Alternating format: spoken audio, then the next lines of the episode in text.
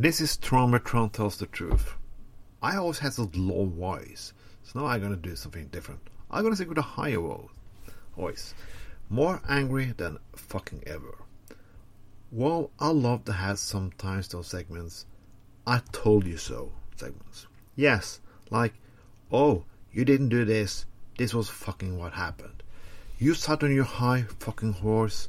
Well, motherfucker, this is what happened. What you see happening in the United States today is because a lot of you were fucking morons. Well, I'm not going to hold it to the United States this time, but I will come back to that later. The Republican passed election laws now. Yes, a lot of them. They want the election laws to be stri- stricter, more difficult to vote, and etc. etc. Yeah, and you know why?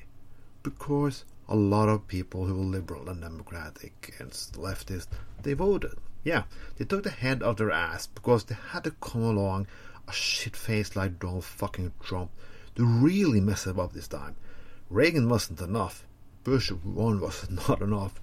And Bush Jr. was not fucking enough. You needed a Trump to fuck it up.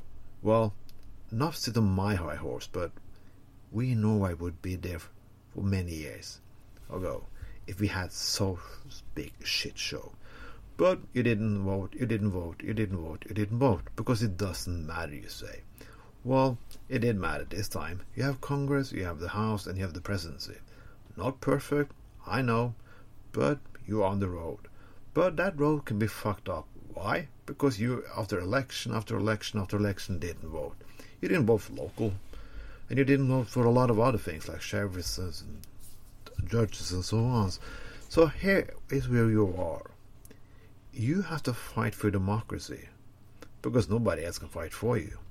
If we, we as Europeans say something, we will met like hate campaign like nobody comes to tell the US what to do because we always know we can never tell the US what to do because that's a job only the US have or everybody else.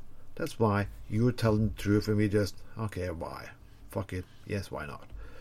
But we don't believe it, but we are like the, well, the whore who always said to the customer, yes, you have the biggest dick in the world. Well, that was the joke I. But this shit show happened in Hungary. It happened in Britain. It happened in Poland. Dictatorship, fascism, what we fight against from 1940 to 1945 it's still up there and it's still fucking happening. In Norway, somebody wanted a panel against racism because the 2nd of July 10 years ago, tens of tens of young people were shot by right wing fundamentalist. Well, did we learn something? No, we didn't learn a fucking shit. But can we have a panel against racism today? No, we can't because some people on the right think that is judging and against free speech and so fucking on. Yeah, that's where we are.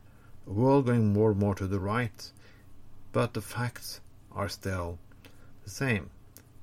They are wrong, but people are still waiting, voting for them.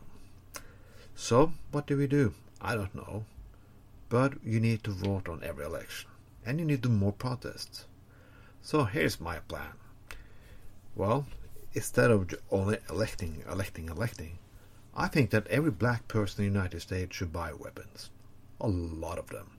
And they should buy uniforms too. Should, because people. Black Panther uniforms. Yeah. Real. Are marching down the streets. In the front, Snoop Dogg with a fucking shotgun, and Ice Cube with a Tommy gun. Well, that would scare the shit out of them. Yeah declare this city a black city, a Asian American city, and so on, and see how they react. They will not think it's fun, but I'll have a lot of fun watching it from here. But everything now has to do something radical. The time for talking and say, oh, that is good. Stand up. Stand up. No, it's fucking bullshit. You have to fight, and you have to fight fucking every inch you can for freedom. It starts now. No, it didn't start now. It started yesterday, last fucking week. You've been going to sleep for tens of years. So get your head out of your fucking ass and fucking fight, motherfuckers.